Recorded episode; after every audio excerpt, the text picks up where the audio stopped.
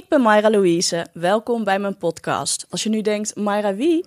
Ik ben self-love blogger en hou me op mijn Instagram bezig met alles rondom mijn tagline Happy is not a dress size.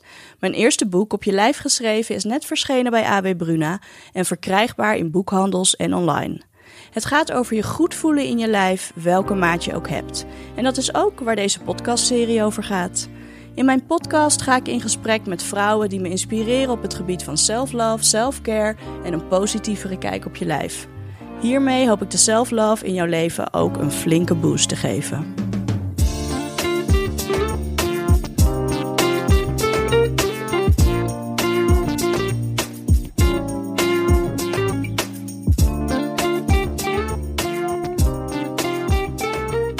Deze derde aflevering krijg je een boel food for thought voor je kiezen.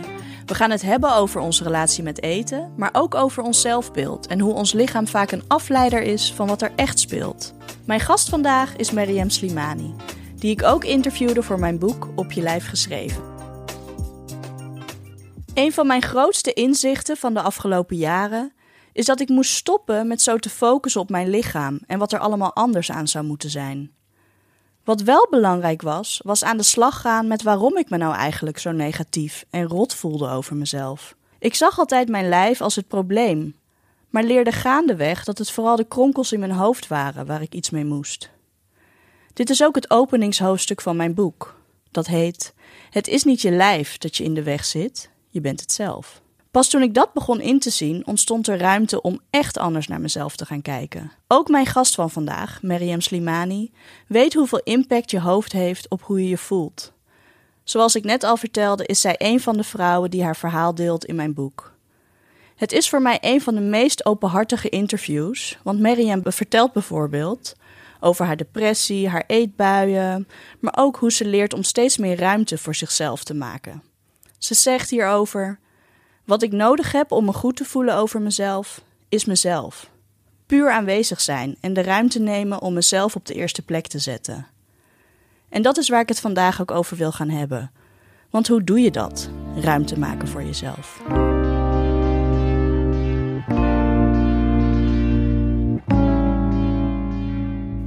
Mariam, welkom. Leuk dat je er bent. Dank je. Vertel, hoe is het met je? En ik een beetje zenuwachtig. Vind je me eng? ik hou er niet van om over mezelf te praten. En dan kom je toch. Ja. Like, speciaal voor mij, voor ons, voor, voor de wereld. Eh, nou, vertel de mensen die jou niet kennen. Wie ben je en wat doe je? Nou, ik ben Mariam Slimani. Ehm, ik ben 35. Ik werk voor Theater Zuidplein als fonds, oh ja, de afdeling fondsenwerving en sponsoring. En daarnaast doe ik als creative director en ook als stylist nog wat eh, dingetjes on the side. Side hustles. Ja. Hele toffe dingen. Mensen, check haar Instagram, Mariam's First. Ehm, waar wil je dat mensen je van kennen? ik, ik hou van moeilijke vragen, je weet Ik het. hè? merk het. Ehm, ik denk dat ik het liefste wil dat mensen gaan inzien dat het gewoon oké is om jezelf te zijn. Omdat Ja. ik eigenlijk op mijn eigen manier altijd heel erg openhartig ben over mijn verleden, mijn issues en de dingen waar ik gewoon mee struggle. Maar ook de dingen die gewoon leuk zijn in het leven. En Ja. ehm, ik hoop dat, dat mensen dat van mij mee kunnen nemen. Ja, Dat het gewoon oké is om jezelf te zijn. super mooie boodschap. Eh, nou, ik ken je natuurlijk al een pa- paar jaar. Mhm. En ehm, toen ik je leerde kennen, nou, was gewoon een hele toffe chick met hele coole kleren. En ik dacht echt, oh my god, wie is deze vrouw? En gaandeweg kwam ik erachter van, ja, achter die hele coole look gaat een heel gelaagd persoon eigenlijk eh eh, schuil. Eh, die ik steeds beter heb leren kennen, wat ik heel leuk vind. Ehm, maar bijvoorbeeld, wij deelden onze liefde voor eten. ja. Maar toen ik jou leerde kennen, was je of altijd keihard aan de lijn en aan trainen, gewoon als een soort nou Fit ja, girl. fit girl, all out in the gym. The gym is my life. Ja. Of je at alles wat je tegenkwam. Het was zeg maar één van de twee. Ehm, waar komt die alles of niets lifestyle vandaan en hoe is dat nu? Nu, is het vooral niets, zeg maar. maar waar het vandaan komt is eigenlijk... Ik ben, nou, ik ben een leeuw, dus ik ben sowieso best wel extreem in hoe ik zeg maar in het leven sta. maar los daarvan is dat gewoon denk ik iets wat ik van huis uit heb meegekregen. Dat het altijd, je moet altijd het uiterste uit jezelf halen en de beste zijn in alles. Ja. Dus ik heb altijd hele hoge eisen aan mezelf gehad. En ik ben heel erg perfectionistisch. Maar dat heeft als um, ja, keerzijde dat je dan soms ook een, een bepaald soort van fatalisme of hopeloosheid hebt van oh, dit gaat niet lukken, dus ik geef gewoon alles maar op, weet ja, je wel. Dus dan stopt je er maar helemaal mee. Ja, dus ja, dat is een beetje uh, lastig. En dat is eigenlijk die eeuwige balans waar ik mijn hele leven een beetje naar op zoek ben geweest. Wie niet, wie niet? Ja, dat het gewoon niet van from zero to 100 Ja. is, maar dat ik gewoon ergens op 50 zit. Maar 50 zie ik dan weer als een 5, dus dat is een onvoldoende. Dus weet je, naar een 7,5 of zo Ja. iets gaan, weet je wel? En hoe verhoudt zich eh, dit tot jouw lijf? Ja, dat is wel heel lastig. Want hoe is de relatie nu met je lichaam? Nu is het, het is heel gek, want vroeger vond ik altijd dat mijn lijf ook steeds beter kon of steeds beter moest. Terwijl ik toen Ja. een veel kleinere maat had dan dat ik nu heb. Mhm. En ehm, daarin ging ik ook altijd heel erg extreem om met mijn eten en mijn sporten. Weet je wel, het was inderdaad echt alles of niets. En nu merk ik dat ik gewoon echt veel meer mate gegroeid ben eigenlijk. Dat ik gewoon denk van het is oké of zo. Ik heb mijn lijf best wel veel pijn gedaan door de jaren eh, heen. En dat wil ik zeg maar Met het lijnen bedoel je? ja, met het lijnen, maar ook met de eetbuien. Weet Ja. je? Want ik ben nu op een punt met mijn lijf en met eh, hoe ik me zeg maar lichamelijk voel. Dat ik ook letterlijk die eh, last en die pijn voel die ik al die jaren heb met, met, me, met me heb meegedragen. Ja, die kun je nu soort van toelaten. Ja, aan de ene kant wel, maar ik wil er ook van af. Ja. En niet op die manier van, oh, ik moet dunner worden, maar echt op die manier van, hé, hey, mijn knieën doen pijn, weet je wel. Ik wil gewoon niet ook letterlijk die lichamelijke Ja. pijn voelen. Want eerst was het vooral emotionele pijn en nu begint het ook lichamelijk te worden. En dat voelt gewoon heel erg ongemakkelijk. Ja. Dus je wil dan eigenlijk echt je balans vinden met gewoon sporten en hoe je voor jezelf zorgt. Ja, basically. precies. Ja, En dat kan ik in bepaalde periodes, maar nu lukt het even niet zo heel erg goed. komt maar wel weer. ja, dat, en dat weet ik nu ook. Dus Ja. nu ben ik ook niet zo streng meer voor mezelf van, oh, het moet nu of het moet op deze manier. En ik, ik ben gewoon een heel stuk aardiger voor mezelf Ja. geworden. Waar kwam het bij jou vandaan dat je zo met je lichaam bezig was? Nou, ik heb sowieso best wel een traumatische jeugd gehad. En eh, vaak hebben mensen met trauma eh, hun eigen manier van eh, zichzelf beschermen. Eigenlijk Ja. gewoon een soort van copingmechanisme. En bij mij was dat eten. Al Ja. op een hele eh, jonge leeftijd. Maar op die leeftijd was ik niet groot of wat dan ook. was eigenlijk gewoon vrij, gewoon best wel average. En ehm, ondanks het feit dat ik average was, en best wel gewoon een gemiddeld kind eh, was, waren mijn nichtjes bijvoorbeeld heel erg dun, Ja. weet je wel. Dus dan word je daar altijd een beetje mee vergeleken door je ooms of door mijn moeder of door, weet je wel, wie dan ook in je Ja. omgeving. En ook mijn vriendinnetjes op school waren altijd heel erg dun, want ik was dan het enige Marokkaanse meisje. En nou ja, Nederlandse mensen zijn over het algemeen wat slanker, weet je wel. En wij hebben heupen en dat soort dingen. En je ziet dan dat je niet lijkt op de rest. Ja. En ehm, ja, dat, dat vond ik aan de ene kant wel prima, maar aan de andere kant voel je vooral als kind eh, die behoefte om er ook toch Ja, niet bij te horen, maar om een soort van veiligheid te hebben. Zeker als je je thuis niet echt veilig voelt. Ja, weet je precies. wel.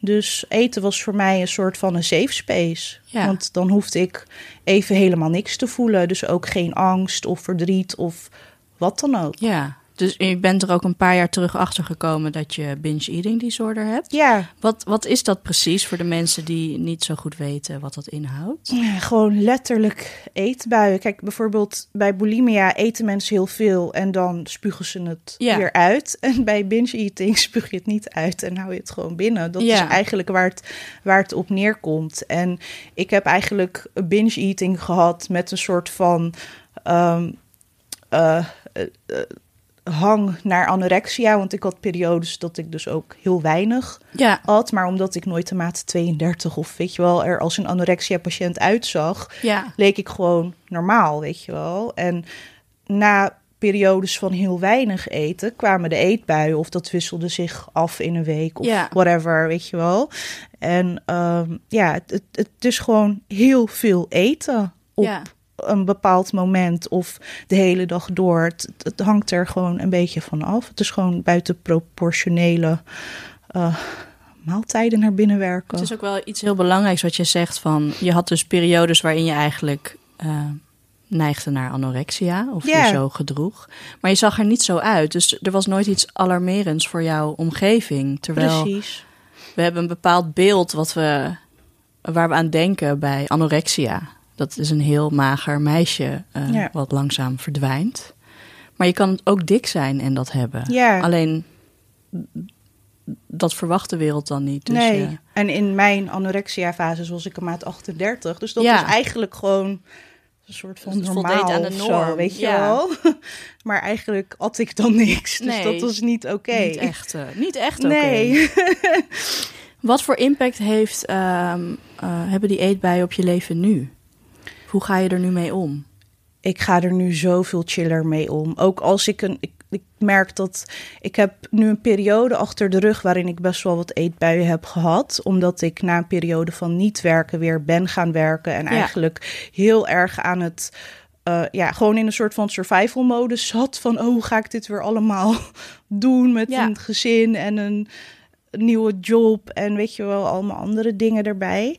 En ehm, ik merk dat ik nu gewoon als ik een eetbui heb, dat het ook zoiets is van: het is oké. Ik bedoel, het is niet oké, maar niet dat ik mezelf daarvoor afstraf. En dat was vroeger wel zo. heel erg. Ja. ja, heel erg. Dus dan was elke eetbui weer een soort faalmoment. Ja. Of weer niet goed gedaan. Of ja. Ja, en dat heb ik nu gewoon eh, Je eigenlijk hebt ook niet meer. therapie gehad hiervoor. Ja. Ehm, heeft dat voor jou veel verschil gemaakt? Ja, want nou, ik wist niet dat ik, ik. Het grappige is, ik ben eigenlijk begonnen met therapie onder het mom van. Ik was eigenlijk voor het eerst gediagnosticeerd van: oh, je hebt een depressie. Ja. ik, ik was me daar ook niet van bewust. Ik kende eigenlijk ook niet echt iemand die dat had, weet je wel. Dus Ja. dan ga je al een soort van in een wereld zitten die totaal onbekend is. En ehm, in die periode begon ik ook hele heftige eetbuien te hebben. En toen heb ik op een gegeven moment aan de bel getrokken bij mijn psycholoog van... Ik weet niet of dit ook misschien een issue Ja. is. Weet Moeten we hier misschien iets Misschien mee? moeten we hier iets mee. en eh, toen kwam die diagnose eigenlijk ook. Maar Ja. ik had er nog nooit van gehoord. Want in de, in de, de, in de hoe noem je dat? In de mental health world en zeg maar vooral bij eetbuienstoornissen denken mensen altijd aan anorexia of bulimia. Ja. En eetbuien worden eigenlijk nooit genoemd. Maar dat is, het is gewoon een officiële. Ja, het is Eh, nog niet heel lang nee. eh, een officiële stoornis. Nee, hè? Paar- daarom. paar- nou ja, niet een paar jaar, maar ja, voor mijn gevoel wel vrij recent. Ja, maar het wordt, het, het is gewoon, het, het staat zeg maar in, je, je hebt een soort van algemeen boek of zo, waar alle stoornissen in staan die dan officieel erkend zijn. Ja. Dus dat valt ook onder de basiszorg, goed om te weten. dus als je behandeld moet worden ervoor, dan kan dat gewoon. Je, zorgverzekering vergoedt dat. Eh, maar ik had er zelf ook nog nooit van van gehoord. Vroeger maakte ik altijd de grap van... oh ja, ik heb bulimia zonder, weet je wel, het, het, het, het overgeven. Maar ja, het- dat was gewoon wat ik eigenlijk had. Ja, eh, want het was ook vaak zo dat je zei, ja, ik hou gewoon van eten. Ja. Maar eigenlijk was het stiekem meer Ja, het was dat. meer dan dat. En ik hou ook heel erg van eten, maar deze manier van eten is niet liefde hebben voor eten Nee, of voor jezelf überhaupt. Weet En je wel? wat zijn de dingen ehm, die je uit die therapie hebt gehaald, ehm, die jou nu helpen als je bijvoorbeeld een eetbui, bij- eh, als je een eetbui voelt aankomen? Het is voor mij, ehm, nou ja, ik, ik, het was een soort van, eh, eh, eh, je gaat een soort van traject in. Volgens mij was het iets van 20 weken of zoiets. En aan de hand van dat traject krijg je ook gewoon letterlijk tools mee van om een eetbui te herkennen, maar ook Ja. hoe je een eetbui bijvoorbeeld kan voorkomen. En dan ga je eigenlijk voor jezelf bedenken van, oké, wat kan ik doen om dit voor te zijn Ja. eigenlijk, weet je wel? En ook waar komt dit vandaan? Dus je gaat gewoon je, je gaat gewoon je eigen patronen herkennen. En ik weet nu heel goed eh, wanneer het gebeurt. en eh, herkenning is altijd die eerste stap, toch? Ja. Naar zeg maar, eh, naar hoe noem je dat? Naar Het veranderen of doorbreken? ja, naar, ja naar, het, naar een veranderproces. En ehm, ook al herken ik het heel vaak, ik kan het nog niet altijd eh, doorbreken. Maar in die periode, omdat ik toen zo in die therapie zat, heeft dat me super geholpen. Ja. Want ik was volgens, volgens mij na drie sessies stopte ik al met die Ja. eetbuien. En daarna heb ik een hele lange tijd geen eetbuien gehad. Totdat ik zeg maar een kind kreeg. En Blame the baby. ja, inderdaad. Forever blame the baby. Sorry, Nori. Ja, maar... Ja, inderdaad. Sorry, baby. Nee, maar het is... eh, ja, en toen, ging ik, toen zat ik weer in een soort van survival mode. En bij mij is het gewoon... Als ik geen controle heb over een situatie... dan gaat het eigenlijk gewoon mis. Er komt een reactie op. Ja. En dat, bij jou is dat dus je eetbuien. Ja, inderdaad. Eh, je vertelde net dat je bij eh, die therapie dan ook dingen hebt geleerd om nou ja, ermee om te gaan, maar ook om het bijvoorbeeld te doorbreken. Mhm. Wat zijn dingen die voor jou werken? Als je dus merkt van oké, ik heb nu een soort anxiety. eh, ik, ik, ik denk aan een eetbui of ik voel dat ik daarnaar neig. Wat zijn dingen die je doet om te proberen het te voorkomen? Nou, heel praktisch, want ik ben ook eigenlijk heel praktisch ingesteld. Ik hou van huiswerk en dingen doen, weet je wel. Van oké, wat kan ik hiermee gaan doen?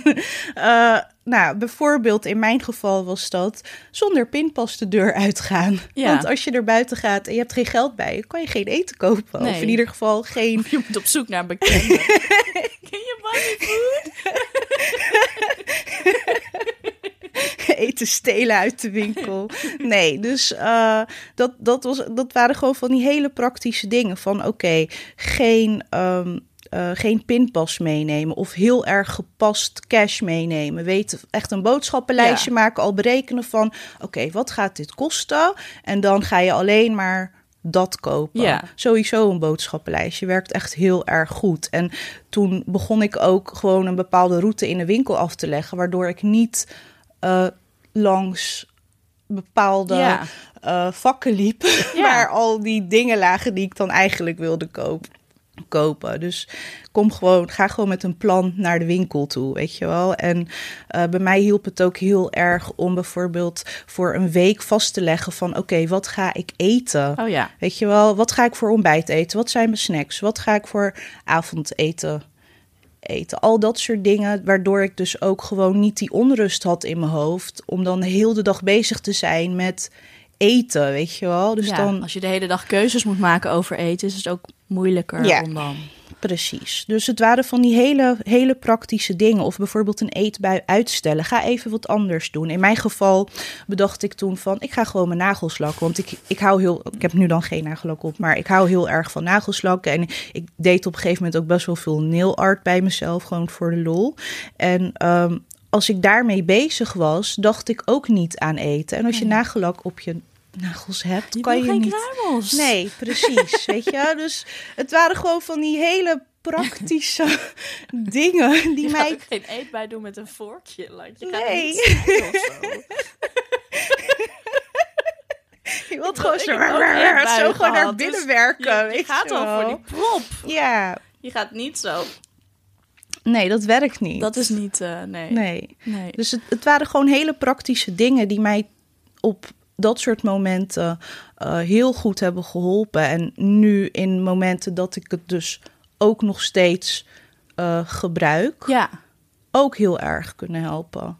En hoe is er dan een soort balans wanneer je denkt van ja, nu ben ik wel oké met die eetbui? Hoe, hoe werkt dat? Want je hebt nog steeds eetbuien, maar je bent er meer oké mee. Dus wanneer sta je zelf dan toe van nu doe ik het even of zo? Nou, dat was ook een van die dingen in, in de therapie, dat dat toen ook zeg maar naar voren kwam van gun jezelf ook die eetbui. Doe, ja. Soms moet je het gewoon, ga er gewoon voor en dan weet je wel, kijk wat dat met je doet. We moesten op een gegeven moment ook een soort van eetdagboek bijhouden, dat je gewoon letterlijk alles opschreef van wanneer je at, wat je at en hoe je je daarbij voelde. Ja. En dat is ook best wel een uh, spiegel die je dan eigenlijk jezelf voorhoudt. Van, oh, waarom eet ik dit Ja, ik herinner me dat nog. Dat jij, toen jij net in therapie was, was je een keer hier. En toen moest je alles opschrijven wat je yeah. at, maar ook dan hoe dat voor je was. En je had ook een hele route van, oké, hier gaan we naartoe en we gaan daar een ijsje eten. En... Maar je, je had wel een soort van dag voor je bepaald, waardoor je wist waar je aan toe was. Ja. En daardoor was waren die eetbuien er ook niet. Nee, precies. Want dat zeiden ze ook meteen heel duidelijk van deze therapie. Het is geen dieet. Het is niet. Nee. Het is niet. Het heeft niet als bedoeling dat je gaat afvallen. Het kan, omdat als je als je geen eetbuien meer hebt, is dat meestal wel een ja. natuurlijk gevolg, weet je. Want het is eigenlijk ook niet normaal om vijf taartjes naar binnen te proppen maar, op maar een je dag, mocht weet alles je. Eten. Je mocht gewoon alles eten. Er werd je eigenlijk niks ver verboden, zoals wat je normaal wel hebt bij een dieet, weet je wel. Dit was echt gewoon therapie en je eigen patronen inzien. En inderdaad, ik bedoel, er zijn ook gewoon mensen die niet zoveel weten over eten en voeding en wat je beter wel en niet kunt eten. Ja. En daar hebben ze ook wel, uh, we hadden, er was toen ook een voedingsdeskundige die dan gewoon echt met de lijst kwam van, weet je wel, dit, dit kun je eigenlijk gewoon allemaal eten. En er stonden Ja. ook gewoon snacks op, maar soms kan al die overstap van uh, witte rijst naar, weet je wel, zilvervliesrijst al een verschil maken. En als je dat weet, dat dat bijvoorbeeld beter is voor ja, dat je, het net wat voedzamer dat- is. dat het Ja. net wat voedzamer is, kan dat al helpen. Ja. Ehm, je had het net al over eh, dat, je, dat er een de- depressie bij je is eh, gediagnosticeerd. Eh, in mijn boek eh, zei je hierover... Ik denk niet dat die depressie ooit zal weggaan... maar het is niet meer wie ik ben. En dat heb ik zeker twee jaar lang wel zo gevoeld. Ik heb altijd in mijn hoofd gehad dat het mijn schuld was... en ik zag het als falen. Ik dacht, ik had gewoon nog positiever moeten zijn. nu zie ik de depressie en waar ik nu ben meer als mijn kracht. Kun je iets vertellen ehm, over hoe die switch bij jou is gekomen? Want er zijn natuurlijk zoveel mensen die worstelen met depressies en met depressieve gevoelens. En er wordt gelukkig veel meer over gesproken. Maar ehm, ja, wat, wat heeft bij jou voor een andere kijker opgezorgd? Want het is er nog steeds. Het is er nog steeds. En dat is eigenlijk, ik heb nu al bijna een jaar geen therapie meer. Niet omdat het niet nodig is, ik heb het echt nodig. Maar ik, ik moet gewoon naar een, een kleinere praktijk, omdat ik eerst bij een grote instelling zat. En aan- het einde van mijn laatste, zeg maar, eh, een groepstherapie traject, dat was dan schematherapie. En ik zat dan op de afdeling depressie, kwam eigenlijk eh, de conclusie van, oh, deze depressie komt voor uit eh, trauma, dus eigenlijk Ja. posttraumatisch Ja, stresssyndroom, Ja. weet je wel.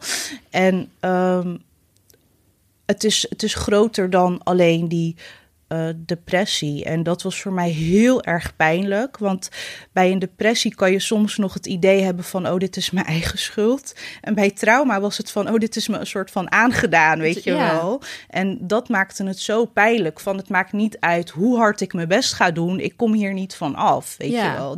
Je moet iets met de oorzaak. ja, precies. En dat was gewoon een best wel een dieptepunt. Van oké, ik heb zo hard mijn best gedaan. Nu krijg ik mijn sticker niet. Nu krijg ik mijn sticker Verdomme. gewoon niet, weet je wel. Ja. Dat was gewoon, dat was echt eh, ja, best wel eh, rot. En ehm, tegelijkertijd eh, was het voor mij ook een eye-opener van oké, dit is gewoon onderdeel van mij. Het is onderdeel van mijn verhaal, maar het hoeft niet het, het is niet tekenend voor de rest van mijn leven Ja. of voor mij als persoon, weet je wel. Want ik ben er nog steeds en Ja. ik heb ondanks dat, of misschien zelfs dankzij mijn trauma's en mijn verleden, zoveel kunnen bereiken. Dat, Ja. dat zie ik nu ook zoveel meer in dan eh, vier of vijf jaar geleden of vijftien jaar geleden. Ja. Weet je wel? Ik, ik, ik, zit, ik zit niet meer in die slachtofferrol. het is gewoon een gegeven. Dit is mij overkomen. Maar ik hoef niet. Ik hoef niet dat kleine meisje te blijven, weet nee, je wel? precies. Dus, ehm, nou, heel veel therapie, denk Ja, ik. Gewoon Al dat graven veel- is ergens goed al voor dat geweest. graven is echt ergens goed voor geweest. Maar het is echt gewoon graven, letterlijk graven, door die pijn heen. En heel veel pijnlijke momenten herleven. En heel veel vormen van therapie ondergaan, weet je wel. Gewoon allemaal uitproberen. Allemaal uitproberen. Want in therapie gaan is gewoon kut. Het is Ja. niet leuk, weet je. Maar op een gegeven moment... Je, je zit in een soort van eh comfortzone, weet je wel. Van je ongelukkig voelen. Ja. En soms kom je gewoon op een punt dat die comfortzone ook oncomfortabel wordt, Ja. weet je. En ik was gewoon op een gegeven moment op dat punt gekomen van... ik wil niet meer zo verder leven. Ik wil wat... Ik wil meer dan dit, Ja. weet je wel. En dan moet je dus iets engs gaan doen om Te daar groeien, ja, om te groeien en om daar gewoon uit te kunnen komen. En eh, ja, dat is eigenlijk de beslissing die ik toen heb genomen. En dan ook om het te delen met mensen. Want ik heb het ook heel. Nou, ik heb het eigenlijk niet heel lang voor me gehouden. Maar ik ben er volgens mij best wel snel heel, Ja. heel open over geweest. Maar ik, ik, ik heb gewoon echt geleerd om. Om te praten over mijn gevoelens en Ja. om me kwetsbaar op te stellen. En dat heb ik, nou ja, 30 jaar of zo niet gedaan, weet je wel. Gewoon mijn hele leven eigenlijk niet, omdat ik altijd sterk moest zijn. ja, van jezelf ook vooral. Van, van mezelf, maar ook voor mezelf. Want Ja. ik had niet eh, iemand die mij kon beschermen. Dus ik moest mezelf beschermen. Ja. En je moet dan gewoon op hele jonge leeftijd al volwassen worden. En dat, dat is niet gezond. nee, je? uiteindelijk verslik je je daarin. Ja, daarom. Ehm, je zei net al van ja, ik ben, ik ben het ook gaan delen. Ik weet dat jij eh, nou, vrij snel, ehm, toen bekend was dat je een depressie had, ben je ook gaan bloggen erover. En op Instagram deelde je er van alles over. Kun je vertellen wat dat voor je deed? Om het op die manier met de wereld eh, nou ja, te delen of de wereld in te gooien. Ja, het was voor mij een soort. Het was eigenlijk een soort van bezigheidstherapie. Ja. Omdat het in die tijd gewoon zo slecht ging dat ik ook niet kon werken. Dus ik had zoiets van: oké, ik, ik moet iets gaan doen. Weet je Ja. wel, ik wil niet meer hele dagen op de bank liggen en dekbed over mijn hoofd en me volproppen. Weet Ja. je wel, ik wil gewoon, ik wil gewoon wat gaan doen. En ik dacht, nou, ik ga dat gewoon doen, weet je wel, met mijn moeder. Mijn moeder maakte me foto's in die periode. Nu maak ik foto's van haar, dus dat is wel heel grappig. Maar ehm, ik, ik ben gewoon alles gaan opschrijven. Ik heb mijn hele leven eigenlijk geschreven. En het was voor mij gewoon een, een manier om het voor mezelf te verwerken. Want er, komt er is zoveel soms dat je het eigenlijk niet eh, in je eentje aan kan, weet je wel. En het is ook heel. Je wil het eigenlijk ook niet delen met de mensen die heel dicht bij je staan. Want je wil eigenlijk niet dat zij je pijn zien en dat ze je zien hoe hoe je daadwerkelijk bent of voelt of denkt Ja. dat je bent. Dus het, het was voor mij ook een soort van om een afstand te creëren van mij. Van oké mensen, het- ja, dit ben ik, maar, het- ja. ja. weet je wel. Dus het, het, was gewoon, ik moest het gewoon delen omdat ik het nergens anders kwijt kon voor mijn gevoel. ja. Eh, en wat deed dat voor je? Ja, het was heel, heel.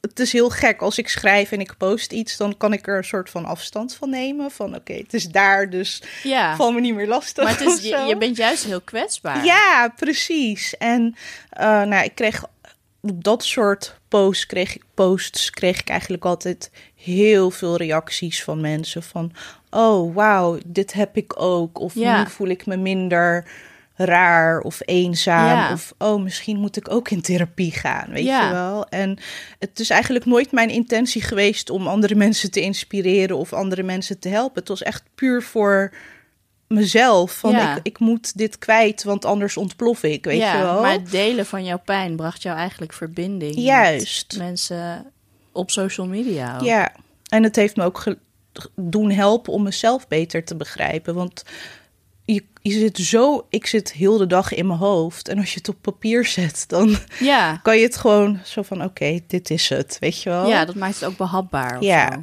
ja.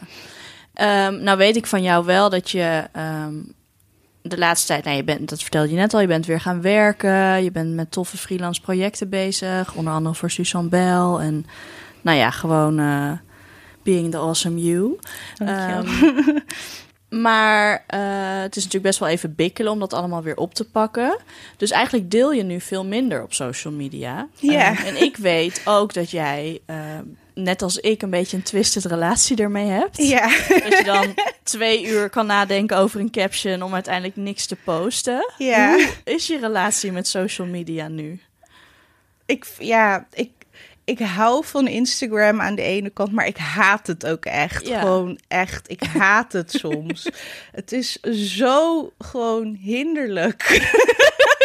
ik heb er geen ander woord voor, maar het is, weet je, het, het heeft, Instagram heeft mij hele mooie dingen gebracht. Het heeft me eh, een heleboel mensen eh, doen ontmoeten, of het nou online is of offline, weet Ja. je wel. Ik, ik, ik heb contact met mensen die dan in Amerika of in Canada of weet ik veel waar wonen. Ja. Die ik soms vaker spreek dan mensen die ik gewoon in real life ken, weet je wel.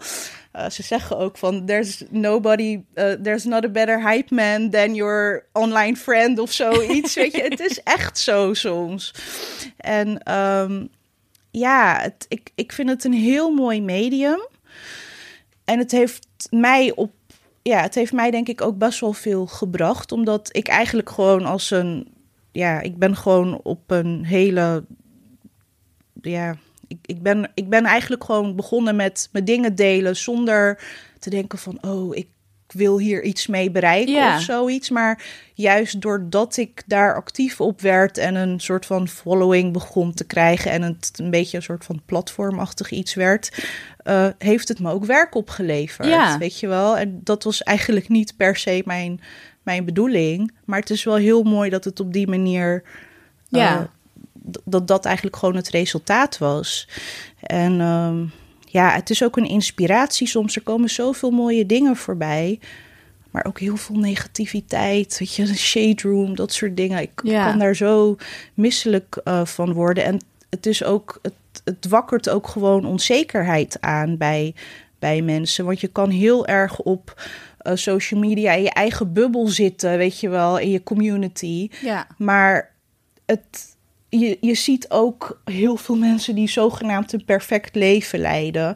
En dat kan ook heel heftig zijn ja, jou het voor je. geven dat je dingen niet goed Ja, doet. En- precies. En vooral voor jonge mensen die dan nog niet genoeg zelfkennis hebben om dan ook in te zien dat het niet allemaal echt is. Ik ben Dat het gewoon gewoon bullshit is. ja, precies. Ik, ik, ik, ik ben een beetje huiverig voor wat het zeg maar in de toekomst gaat doen en wat het nu eigenlijk al doet. Eh, met mensen. Want ik zit soms ook zomaar te scrollen en dat bijna een soort van te haten op wat mensen aan het doen zijn. Terwijl ik echt denk van waarom doe je dat? Weet je Ja. wel? Dat is gewoon, is niet leuk. Het is een soort van making yourself feel like shit. Ja, Ja. ja. en dat, dat, dat wil ik gewoon eh, niet meer. Dus ik ben op een gegeven moment ook gewoon heel veel accounts gaan unfollowen van oké, dit geeft me geen goed gevoel meer, weet je. En dat geeft soms ook al. Ja, ik heb het daar ook over in mijn boek, omdat ik ook zelf echt, nou ja, wat ik net zei, een beetje twisted relatie heb met social media. Ehm, dus ik geloof ook echt in een gezond social media dieet. En voor mij betekent dat bijvoorbeeld ook dat ik er soms gewoon niet ben. Dus dat ik gewoon een week of zelfs een maand Gewoon even zeg, offline ben. Bye. En ik weet dat jij ook wel eens eh, verdwijnt. Ja, Eh, hoe ga jij daarmee om? Om dat een beetje behapbaar te maken voor jezelf. Ik reageer gewoon niet op berichtjes. Ja, sorry. ja, maar soms voel je ook een verant... Dat, is, dat vind ik een soort van eh, lastig. Want ik voel echt de verantwoordelijkheid naar mensen toe. Maar tegelijkertijd is het ook van... Ik ben ook maar een mens, Ja. weet je wel. Ik ben niet een psychiater of een psycholoog of een... eh, Een rolmodel Ja. of wat dan ook. Ik ben ook aan het struggelen. ja, weet dat je vind wel. ik soms wel. Dat heb jij denk ik ook en ik ook. Dat je als je kwetsbare dingen deelt, dan delen mensen in de DM dat vaak ook. Ja, Uh, maar er is er ook een soort verwachting dat je wel reageert of dat je wel advies hebt. Of... Ja. En dan denk ik, ja jeetje, het is gewoon best wel heftig. En ik ben ook maar eh, in mijn struggle. ja Eh, precies. En ik deel er toevallig over en dat heb jij ook. Ja, Dat je een soort van... Het lijkt alsof je een opening biedt voor mensen en dan blijft het maar komen. Wat heel mooi is, maar Mhm. ook heftig. klopt. Want hoe la- laat jij het gewoon heel letterlijk dan vallen? Zo van, oké, ik- ik, kan, ik kan het nu even niet handelen? Of Ik lees het gewoon niet. nee? Het, scheelt dat je soms ook, zeg maar, die andere inbox hebt waar Ja, in je komen. moet het toestaan. Ja, je moet, toestaan. Het, je moet het gewoon toestaan. En weet je, als ik dingen lees waarvan ik denk van... oeh, weet je wel, dan reageer ik er ook wel echt, Ja, echt op. Daar doe ik wel echt mijn best voor. Maar ik, ik heb een kind dat er rondrent. Ja. Soms re- reageer ik gewoon niet.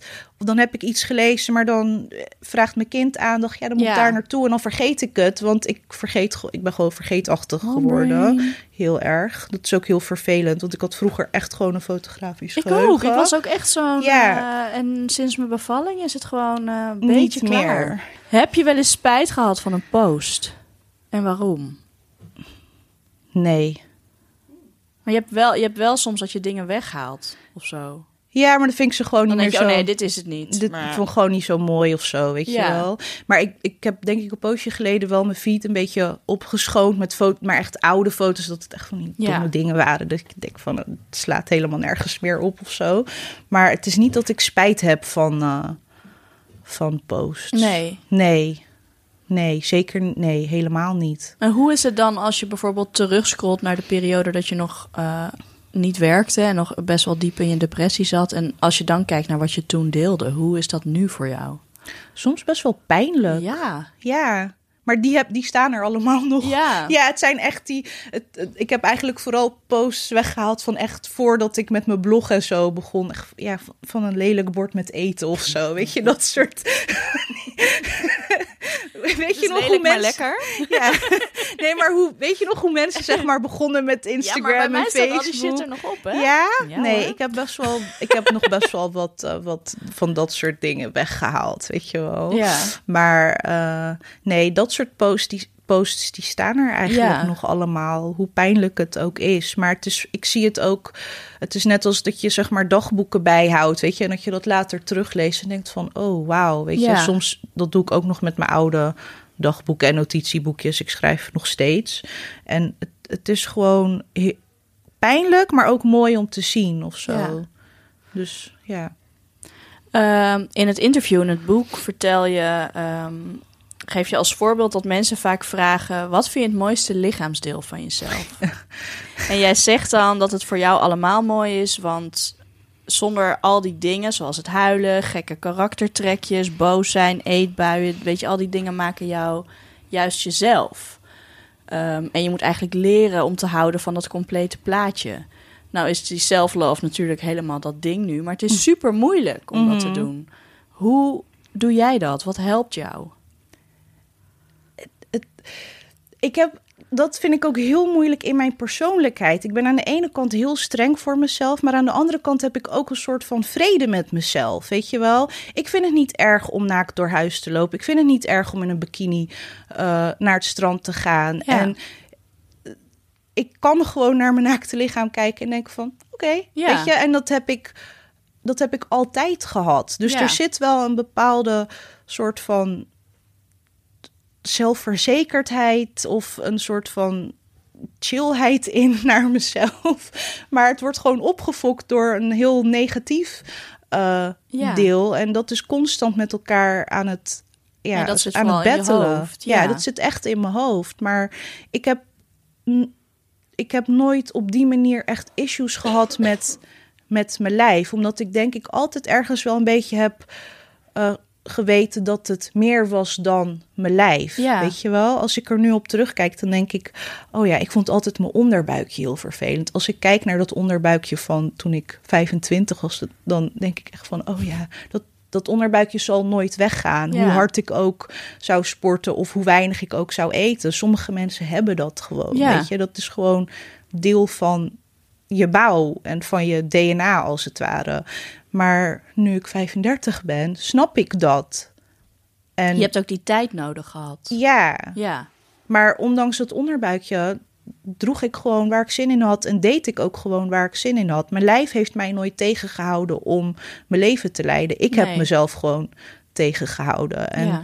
dat is eh, veel belangrijker. Ik vind dat veel belangrijker dan, weet je, flabberarmen of een, weet ik veel, cellulitis. Ja. Weet je, dat, dat vind ik niet zo boeiend. Ja. Good, good. Ja. Ehm, maar met die zelfliefde en hoe, hoe zit het dan met je self-care? Like, wat zijn dingen die je nodig hebt om ehm, je hoofd je niet zo in de weg te laten zitten en dus dat leven te leven? Mezelf. Mezelf, me, myself and I. Ik heb Beyoncé Homecoming gezien. Oh mijn god, deze vrouw. Niet normaal. Hey, we hadden het over jou. Oh ja, oh ja. ja nou, nee. Ja, nee, maar ik heb, ik heb gewoon echt mezelf eh, nodig. En ik denk dat ik dat ook echt in therapie heb geleerd van eh, dat ik zeg maar die volwassene moet zijn voor mezelf, die ik nooit heb gehad. Ja, die je als kind hebt gemist. Juist. En dat is iets wat ik nooit heb geweten, weet je wel. Maar dat, dat zijn dingen die ik echt in therapie heb geleerd. Van, oh ja, er is nog, weet je, dat kleine kind heeft gewoon een, een Ja. zorgzaam... kleine schattige meisje. Weet je hoe schattig jij was heel vroeger? schattig. ik was echt heel Dat schattig. was echt heel schattig. Nee, maar dat, dat kleine kind, wat dat altijd eigenlijk deel zal zijn van, van jou, heeft gewoon die zorgzaamheid en Ja. liefde nodig. En ik heb dat ook echt wel gehad voor een deel hoor. Ik heb echt niet zo'n vreselijk jeugd, Ja. zo'n vreselijke jeugd gehad. Maar het is. ehm, het- ja, er zijn gewoon dingen gebeurd die je niet terug kunt Ja. eh, draaien. En en nu ontdek je pas de impact ervan. juist, Juist nu je zelf moeder bent. Het is eigenlijk toen ik moeder werd, werd het nog Ja. een soort van stapje erger. Ja. En ik, ik wil gewoon, ik wil, ik wil niet mijn kind aandoen wat mij is aangedaan. Nee, precies. En daar, dat is eigenlijk mijn belangrijkste. eh, ehm, hoe noem je dat? Dat is echt mijn belangrijkste streven en Ja. mijn belangrijkste motivatie om ook gewoon dus wel weer in therapie te gaan, omdat ik ben er nog niet. Nee, maar je wil gewoon bepaalde stukjes van jou niet doorgeven, maar meer je inzichten. En Juist. Ja. ja. En dat op is- wat voor manier doe je dat nu al bij Nori, je zoontje? Ik probeer zo chill mogelijk te zijn. ik, eh, ik, nou sowieso elke avond voordat hij gaat slapen, ik, ik probeer ik een soort van, eh, weet je wel, gewoon met hem de dag door te nemen. Van, oh, wat heb je vandaag gedaan? Ik praat sowieso heel veel met hem, ook Ja. toen hij gewoon nog een baby was. Ik denk dat hij daarom ook nu zoveel praat. Ja, maar ik was heel de dag alleen met een baby Ja. thuis. Ik moest wat, Ja. weet je. Dus dan ga je maar, dan ga maar, dan ga je maar Dit is mijn praatpaal. Het, hij brabbelt. Ja. nee, maar ik, ik praat gewoon heel veel eh, eh, met hem. En ik, ehm, elke avond dan voordat hij gaat slapen, dan zeg ik van... Weet je, je bent, je bent mijn lieve jongen, je bent mijn sterke jongen... je bent mijn waardevolle jongen, want het maakt niet uit wie je bent of wat je doet. Mama houdt van je, mama is trots op je. en mama is altijd bij je, weet je. En ja. dat is wat ik wil voor hem. Dat hij gewoon het, het gevoel heeft van ik kan doen en zijn wie ik wil. En ik zal altijd onvoorwaardelijke liefde hebben. ja. Dat is voor mij echt het allerbelangrijkste. ik zou, we zouden niet gaan water. huilen. We zouden niet gaan huilen, Mer. Like, Be strong. adem.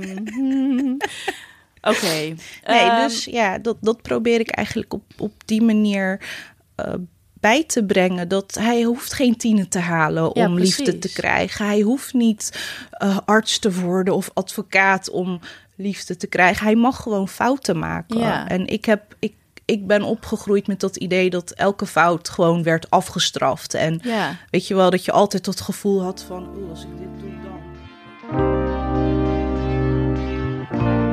Voordat we verder gaan, nog even dit.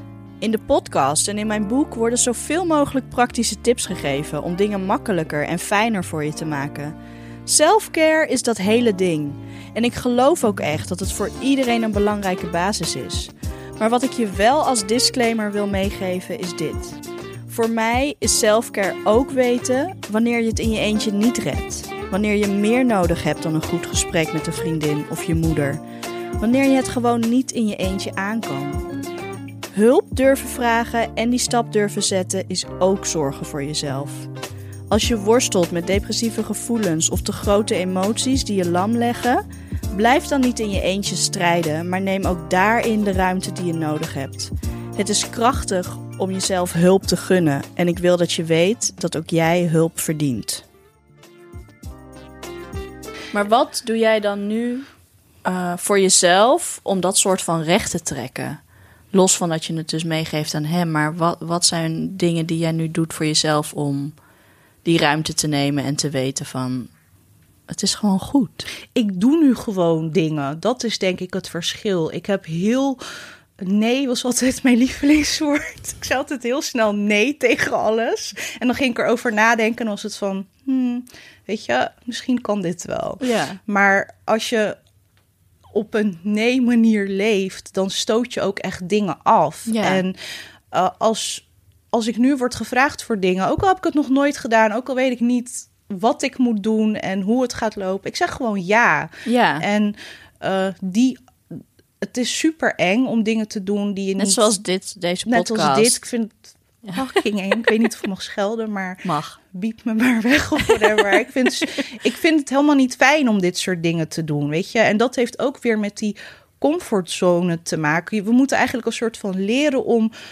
om comfortabel te Ja. zijn, weet je? En Ja. dat is juist waar mooie dingen gebeuren meestal. groei. Ja, en Het is niet, zeg maar, als ik kijk naar mijn afgelopen jaren, het was helemaal niet fijn of zo. Het was niet Nee. echt super leuk. het was niet echt, dat heb jij ook gehad en nog op een heel ander level dan ik. Het is niet leuk om mm, ja, jezelf meer te gaan waarderen of jezelf te leren kennen of Mhm. grote levensinzichten die komen niet zeg maar tijdens een wandeling in het park en dan Kan is je wel. leven anders. Ja, soms. Wandelen is wel een douche. tip. Maar zeg maar, dat hele proces, dat is gewoon super ongemakkelijk. Ja. Ja. Maar ja, ik, ik doe het gewoon. Ik wil niet Ja. meer in angst leven. Ik denk dat dat het voor mij gewoon is. Ik heb gewoon een bepaalde soort van doorzettingsvermogen. Of een soort van, weet je, survivor instinct. Dat het maakt niet uit hoe negatief het is in mijn hoofd. En hoe soms er tegen me geschreeuwd wordt van binnen van... ik wil niet meer, ik wil niet meer door, weet je.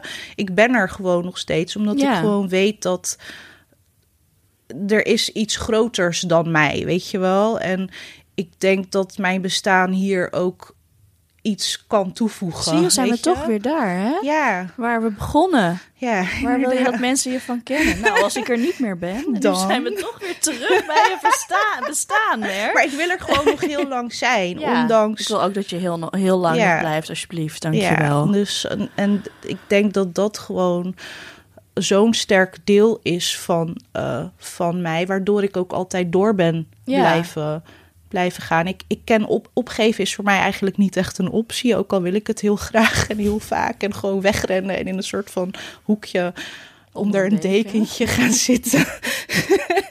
Met drie taartjes en een zak patat. Zoet en zout, hè? Ja, Dat is dat de perfecte afwisseling. Ja, maar wel zout eerst en dan zoet. Dat is, het- dat Oh ja, is de beste combo. Ik wisselde af, dat was dan weer mijn ding. Ah, Oké, nee. Ja, ieder heeft zijn, ieder heeft zijn soort van tactiek. Het is wel heel grappig om dat van andere mensen te, le- te leren.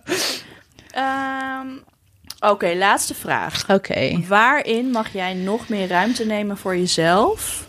En heb je al een idee hoe je dat gaat doen? Oh lord. Ah, ik vind dat zo'n moeilijke vraag. Ik denk, nou sowieso, ik mag zelf gewoon. Ik, het is voor mij heel moeilijk om eh, tijd te nemen voor mezelf. Dus om te denken van. In plaats van om acht uur op werk te zijn, dan om negen uur op werk te zijn en bijvoorbeeld te gaan sporten. Want ik sta toch vroeg op. Ja. Of om in de avond misschien nog wat te gaan doen. Of om, weet je, ik, ik kan heel goed tijd nemen als het werkgerelateerd is. Dan kan ik heel goed tegen mijn man zeggen van... oké, jullie zoeken het maar even uit met z'n tweeën. Ja. Ik moet naar Amsterdam of ik moet dit doen, Ja. weet je wel. En dan kan ik het heel goed loslaten. Maar om datzelfde te vragen... wan- wanneer ik dus gewoon iets voor mezelf wil doen... Ja. Dat vind ik heel moeilijk en dat komt door mijn moeder. Het komt altijd door je moeder. het was heel grappig, want gisteren was ze bij mij en ik had een afspraak met een, eh, een kennisje. En toen vroeg ze ook van, oh ja, maar was het voor werk? Bij mijn moeder moest het altijd om school Oh ja. of om werk gaan. Ja. En ik, ik, het was een soort van aha-moment dat ah, ik dacht van, oh, Dit komt door jou. daarom, weet Ja. je wel. Ik vind het gewoon heel moeilijk om tijd vrij te nemen voor... Ja, voor een wandeling of ja. iets kleins Ja. of iets wat niet direct impact heeft op je leven, maar wat gewoon goed is voor Ja. jou. Ja, zeker nu ik een kind heb, vind ik dat nog moeilijker. Maar dan heb je het nog harder nodig. Klopt. Maar tegelijkertijd, dan zie ik, dan herken ik ook weer heel erg mijn moeder daarin. Die, dat ze dan bijvoorbeeld speciaal hele dure bosbessen koopt of zo voor mijn zoontje. En dan eet ze er niks van, maar dan mag hij het allemaal hebben. Weet je, Ja. en dat doe ik dus ook. Dan Ja. denk ik van hallo, maar ik vind ze ook lekker. Ja. Maar dan, dan eet je, nu eet ik het dus wel. Dan denk ik, hallo. Good for you. Ja, weet Ja. je, het zijn van die soort van soms van Eet die bosbessen. Eet die bosbessen of frambozen. ik heb ze ook nodig. Ja. vitamines. Hallo. Nee, maar Selfcare. het zijn van die, dat zijn van dat soort dingetjes dat ik soms zoiets heb van ik, ik moet gewoon of niet ik moet, ik wil gewoon. Moeten is ook zo'n ding waar Ja. je van af wil komen, weet je Ja. wel, om gewoon een soort van beter voor jezelf te zorgen. Ik moet niks, maar ik wil Je gewoon. mag het. Je mag Ja. het. Dat ook. Ja. Het is ook wel het mogen. Ja, ik gun ik moet ik Jezelf- wil het ja. mezelf gewoon meer gunnen. Ja, dat, precies. dat ik wel gewoon ga iets ga iets domme dingen ga doen, een boek ga lezen of Ja, zo. je houdt van boeken lezen. Ja. Nou, eh, ik wil eigenlijk nog duizend andere dingen vragen, maar ehm, ja, voordat eh, ik je laat gaan, Oh lord. Oh ga ik je nog even wat, eh, wat dilemma's geven. Bikini of badpak? Moet ik echt kiezen? Ja. Een badpak met wel heel hoog uitgesneden. Een badpak met gaten. Nee, niet met gaten. Ik hou niet van die badpakken dat, het zo, dat ze zo laag, dat ze zo, weet je, laag bij je been. Ik, die Baywatch Je wil die Baywatch? Oh, Die, damn. kijk, dan die, maar ja, dan die. Maar eigenlijk een bikini, allebei. Ik, ik vind, ik heb het alle, het hangt van mijn bui af. Tiet of kont? Kont. Bellen of appen? Voice notes? Nee, grapje.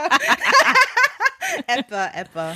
Innerlijk of uiterlijk? Innerlijk. Bank of bar? Bank. Nou, dat was hem. Oh, dat was wel heel snel. Oké. Dus het was echt een mini eh, soort van om het even een beetje lucht halen.